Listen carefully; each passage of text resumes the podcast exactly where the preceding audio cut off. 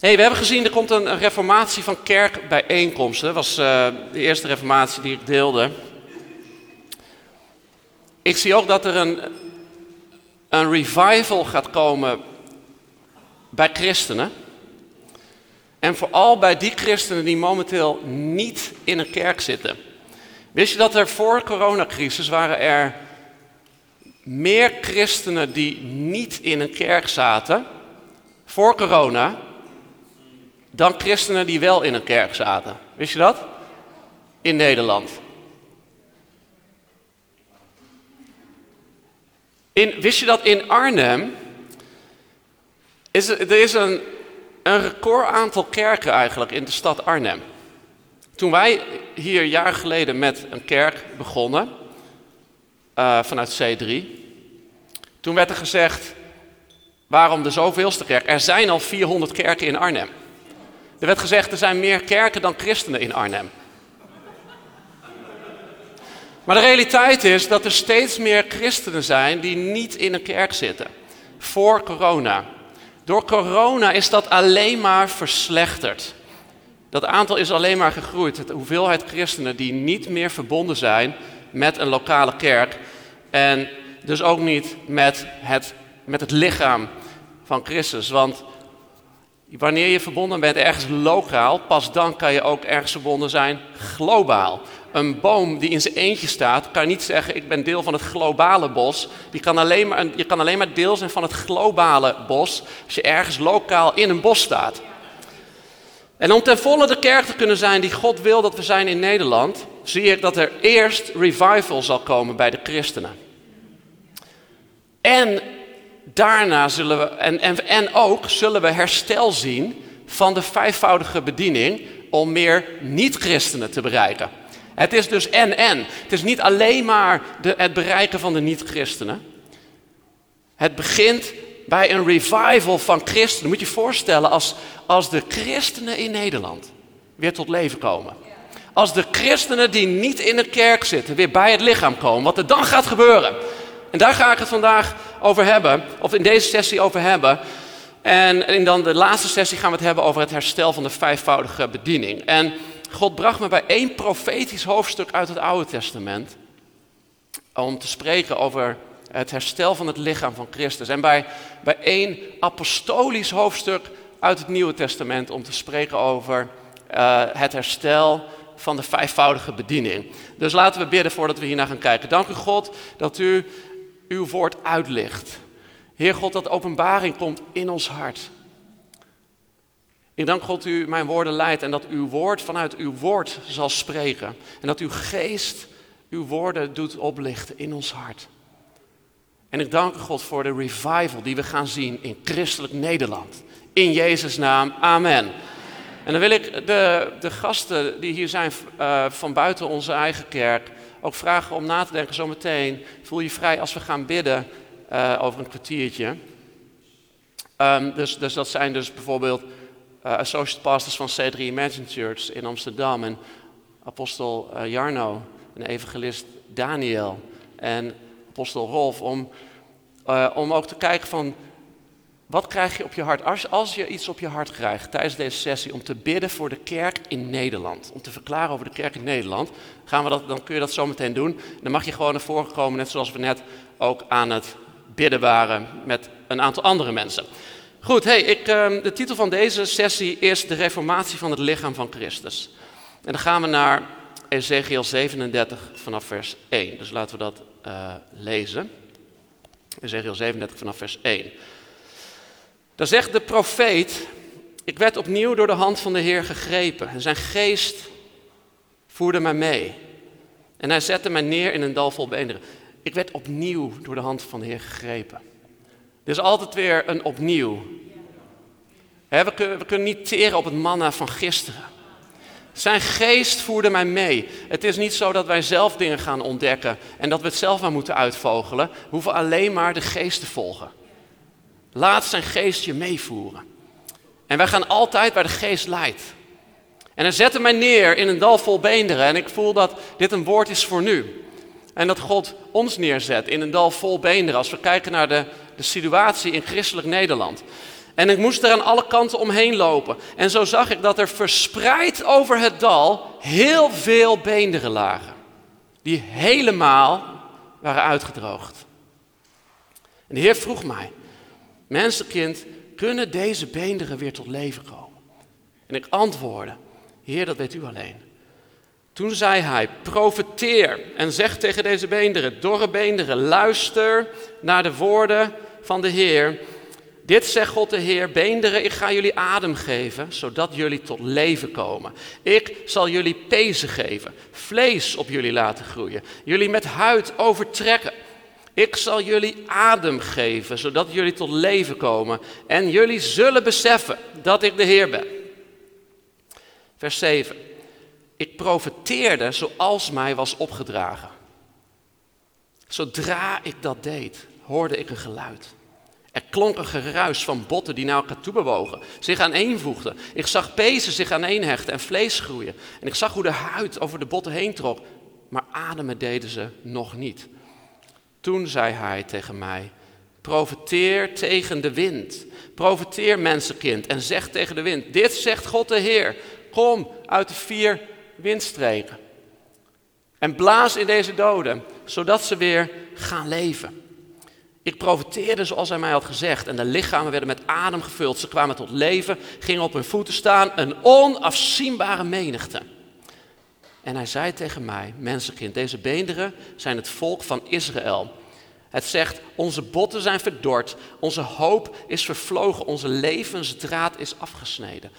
En dit is, ik geloof dat dit een beeld is voor de kerk in Nederland. En dat, dat we soms kijken dat denken, oh man, niet, meer niet-christenen, sorry, meer christenen niet in een kerk dan aan de zon.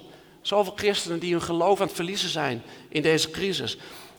Profiteer daarom, vers 12, profiteer daarom en zeg tegen hen, dit zegt God de Heer, mijn volk, ik zal jullie graven openen. Het is het paasweekend. Ik zal jullie graven openen. Ik laat jullie uit je graven komen en ik zal jullie naar het land van Israël terugbrengen. Jullie zijn mijn volk en jullie zullen beseffen dat ik de Heer ben als ik je graven open en jullie uit je graven laat komen. Ik zal jullie mijn adem geven, zodat jullie weer tot leven komen. Ik zal jullie terugbrengen naar je land. Jullie zullen beseffen dat ik de Heer ben en wat ik gezegd heb zal ik doen, zo spreekt de Heer. Laten we dit gaan uitpakken. We zien hier een aantal details in beeld. We zien hier dat de beenderen in een dal liggen. Dat het er veel zijn. Zijn er veel, stel je dat even voor. Zijn er veel. En ze liggen verspreid over het dal en ze zijn uitgedroogd. Dat is een beeld voor, voor de kerk in Nederland, voor uitgedroogde christenen en voor niet bereikte niet-christenen in Nederland. Het zijn er veel. Ze liggen verspreid over het hele land. Uit het hele land bereiken mij wekelijks berichtjes van christenen die zeggen: Pastor, ik heb, ik heb uw boek gelezen. Of wij volgen jullie livestream op internet. Maar mijn kerk is dicht. Of ik heb al een jaar niks van mijn kerk gehoord. Of, of ik heb geen kerk. Help me, want ik wil zo graag samenkomen. En ik, ik bloed helemaal droog en ik, ik word helemaal door. We zitten nu in een kerkgebouw dat er totaal anders uitzag toen we dit kochten in september vorig jaar.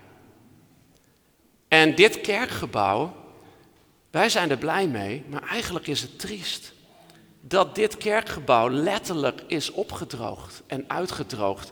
Toen wij dit kerkgebouw kochten van de PKN, was de gemiddelde leeftijd 72 jaar.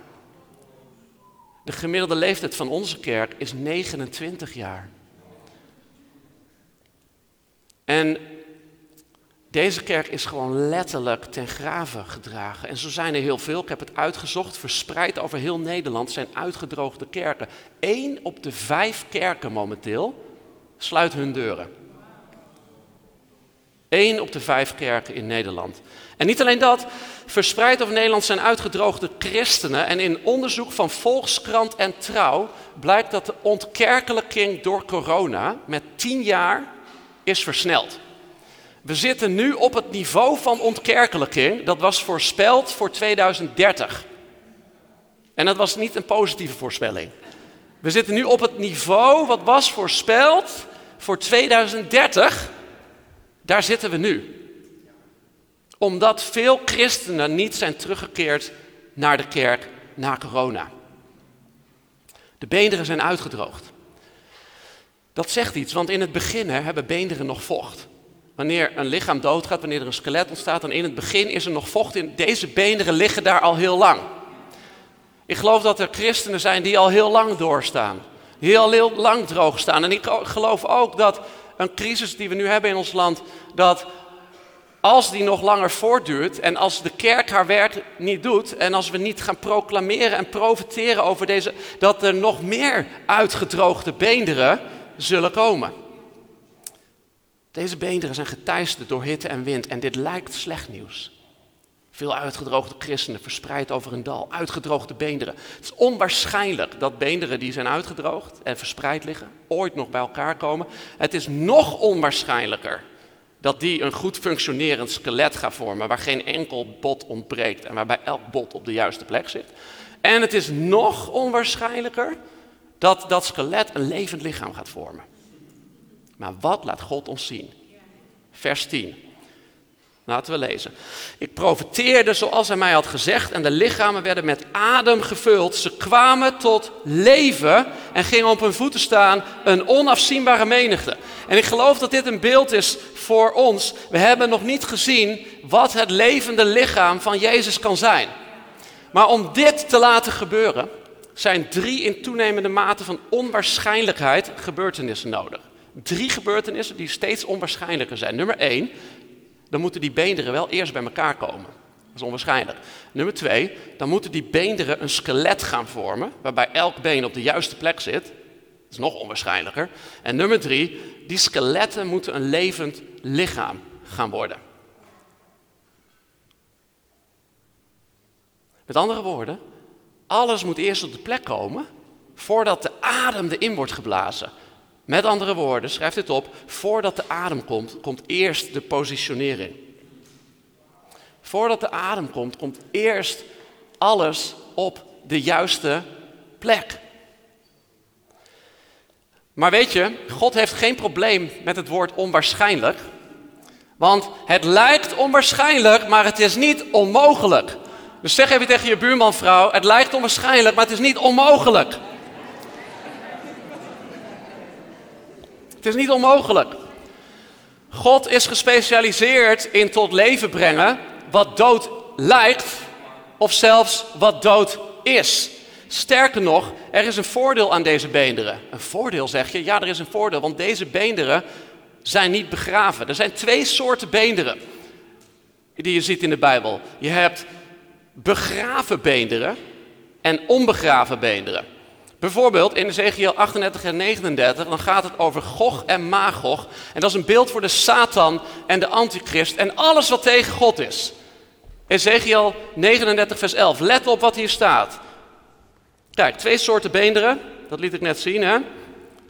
Begraven beenderen en onbegraven. Let op, we gaan naar begraven beenderen. Ezekiel 39, vers 11. Op die dag delf ik voor Gog een graf in Israël, in het dal der passanten ten oosten van de Dode Zee. Het zal de doorgang versperren voor deze passanten, voor Gog en heel zijn leger. Ze zullen er, let op, worden begraven. En het zal het dal van het leger van Gog. Gog staat voor alles wat antichristelijk is en voor het werk van de Satan. Vers 14. De Israëlieten zullen een groep aanstellen die het land voortdurend moet doorkruisen. Die moeten passanten begraven die op het land zijn blijven liggen, om zo het land te reinigen. Na zeven maanden zullen ze op onderzoek uitgaan en opnieuw het land doorkruisen. Als één van hen dan beenderen ziet liggen, moet hij er een merksteen zodat de doodgravers ze kunnen begraven. Wat doet God met beenderen die het gevolg zijn van het werk van de antichrist? Hij stopt ze onder de grond. Hij begraaft ze. God rekent er definitief mee af. Maar Gods werk kan niet begraven worden. Matthäus 16 zegt Jezus. En ik zal mijn kerk bouwen en de poorten van de hel zullen haar niet overweldigen. Er zijn, echt, er zijn ook onbegraven beenderen in de Bijbel. En dat zijn de beenderen van Ezekiel 37. En die zien we ook in Openbaring 11, wanneer het gaat over de twee getuigen en de twee profeten vanuit uh, van de eindtijd, dan liggen hun lijken op het plein van de grote stad, die in figuurlijke zin Sodom of Egypte heet. De stad waar ook hun Heer gekruisigd is. Gedurende drieënhalve dag komen er mensen uit alle landen en volken, van alle stammen en talen, om hun lijken te zien. En let op, ze dulden niet dat ze begraven worden. De mensen die op de aarde leven juichen om de dood van de twee profeten. En opgetogen sturen ze elkaar geschenken, want die profeten waren een grote kwelling. Dit zijn dus profeten en getuigen van God. Hè? Ze dulden niet dat ze begraven worden. Vers 11. Maar toen de drieënhalve dag voorbij waren, voer er een levensgeest uit God in, hen en kwamen ze weer overeind. Dus wat doet de profeet? De profeet die gaat profeteren over de onbegraven beenderen. En ik geloof dat dat een beeld is voor uh, christelijk Nederland vandaag. Het zijn weliswaar beenderen, maar ze zijn onbegraven. Het lijkt weliswaar onwaarschijnlijk, maar het is niet onmogelijk. En God roept zijn bedienaars op om te profeteren: leef. O botten van de Heer, hoor het woord van de Heer. En dan zegt hij, ik profiteerde zoals mij was opgedragen. We moeten profiteren wat God ons nu opdraagt om te profiteren. Ik profiteerde niet mijn eigen idee, ik profiteerde zoals mij was opgedragen. Het kairos woord van de Heer. Zo zegt de Heer, jullie zullen leven. En dan hoort hij een geluid. En dan hoort hij een geluid van botten, een geruis staat er. Een geruis, een gekletter van van botten die naar elkaar toe bewegen en zich aaneenvoegen. Elk bot op zijn plek. Geen enkel bot ontbreekt. Elke christen gepositioneerd. En laat me je vertellen, ik hoor een geluid van kerken die naar elkaar toe bewegen. Ik hoor een geluid van christenen die naar elkaar toe bewegen. Van dode christenen die niet in het lichaam zitten. Die weer in het lichaam gaan komen. Zelfs dorre beenderen beginnen te bewegen wanneer ze het woord van de Heer horen. Ze voegen zich aaneen. En onder goddelijke directie komt elk bot weer op zijn plek. Geen enkel bot ontbreekt in Jezus' naam. Geen enkel bot is verdwaald. En dan gebeurt er dit. Ezekiel 37, vers 8. Dan komt dit. Ik zag pezen zich aan één hechten. Dus pezen die, die houden die botten bij elkaar. En vlees groeien ertussenin. En huid eroverheen. Maar ademen deden ze nog en hier zien we de elementen van de vijfvoudige bediening. En daar zal ik in de volgende sessie op ingaan. Pezen die de botten samenbrengen en op een plek houden. Vlees wat tussen de botten inkomt en een lichaam vormt. Huid wat het lichaam beschermt en bedekt. En dan komt er adem in het lichaam. En dan gaan ze opstaan, want dan gebeurt er dit. Ik profiteerde, de lichaam werden met adem gevuld. Ze kwamen tot leven ze gingen op hun voeten staan, een onafzienbare menigte. Ze gaan op hun voeten staan. Een onafzienbare menigte. En ik zie een onafzienbare menigte in Nederland. Ik zie niet alleen één lichaam, maar meerdere lichamen die samen één geheel vormen. Die samen een onafzienbare menigte vormen waar de wereld niet omheen kan. Geen los lichaam, maar een functionerend, samenwerkend, volledig lichaam van de Heer, wat tot leven is gekomen. Er is een reformatie van het lichaam van Christus aanstaande. Door beenderen, door heel Nederland heen, gaan weer op hun positie komen. In Jezus' naam. Kom, laten we gaan staan.